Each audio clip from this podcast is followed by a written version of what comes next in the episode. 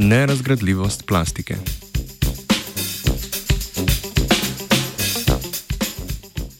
Dobro jutro.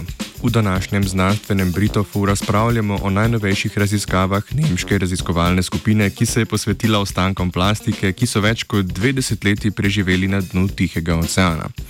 Kot navaja članek, objavljen v znanstveni reviji Scientific Report, so koščki plastike vse čas ostali bolj ali manj nepoškodovani.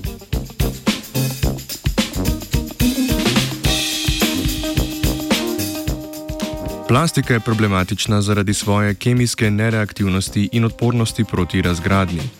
Kljub dolgotrajnemu opozarjanju na prenasičenost morskih ekosistemov s plastiko in ozaveščanju o njeni nerazgradljivosti, sta trenutno najbolje raziskani problematika plastike, ki plava na morski gladini, in njena poseljenost z različnimi organizmi.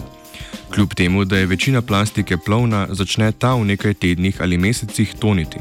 Morskemu dnu pa je že odnegdaj namenjene manj pozornosti. Tako kot je slabše poznan tu živeč živelj, je tudi slabše raziskano, kaj se zgodi s plastiko, ko potone na morsko dno.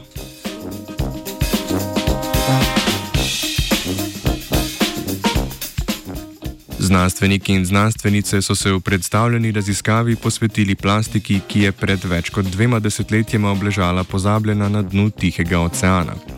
Kose plastike so si najprej ogledali pod mikroskopom. Na njih sicer niso opazili pritrjenih eukarionskih organizmov, so pa bili po celotni površini prekriti z bakterijskimi biofilmi.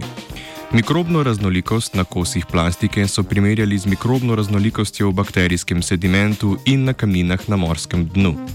Struktura mikrobnih združb na posamezni vrsti plastike se je močno razlikovala od mikrobnih struktur v sedimentu in na morskih kamninah, pri čemer je bila raznovrstnost bakterijskih združb na plastiki tudi precej zmanjšana.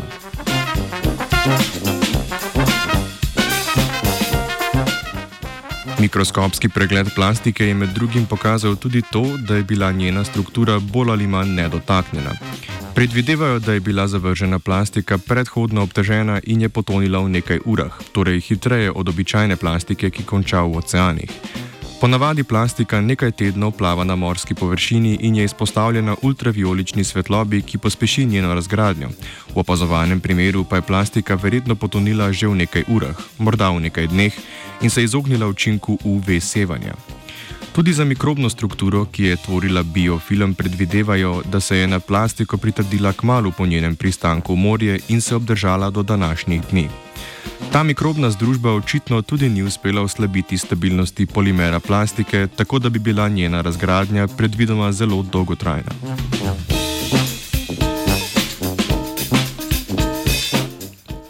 Predvidevanja nakazujejo, da bi dolgoročnejše odlaganje plastike na morsko dno, ki bi ga ta postopoma prekrila, povzročilo zmanjšanje koncentracije kisika v tem območju. To bi škodovalo tam prisotnim mikroorganizmom in kasneje privedlo do sprememb v delovanju ekosistema na vseh stopnjah prehrambene verige.